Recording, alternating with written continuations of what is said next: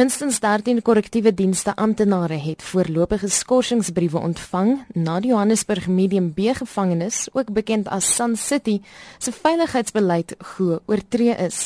Dit het toegelaat dat vroue ontkleed dansers op die perseel kom om gevangenes te vermaak.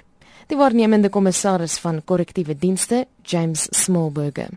There are at this stage the 13 people identified and uh, not to preempt but there can even be more. This is those that are directly in breach of our uh, security and other policies which we considered of such a nature and seriousness that we need to contemplate them for suspension not to have them in the system whilst we complete the investigation. So it will be a precautionary suspension. The intention was never to have strippers or dancers in the facility Smallburger sê die item van ontkleeddansers was nie deel van die jeugmaandvieringe nie. The program that was presented to the management included what was acceptable which was approved by the local management but what was not approved is this part of the entertainment which we call entertainment but which can never be qualified to be entertainment for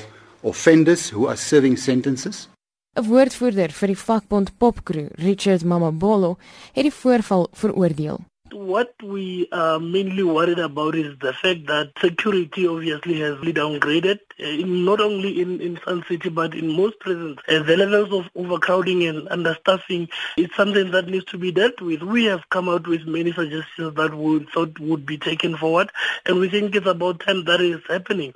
If you look at the ratio of correctional officials and inmates, uh, it has drastically increased over the years, and it's something that continues to increase.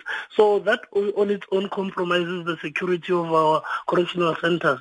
'n Volledige ondersoek oor die voorval sal teen Vrydag voltooi wees. Die verslag van Dita Batsotsetsi en Ax Marlene Forsie vir SAK nuus.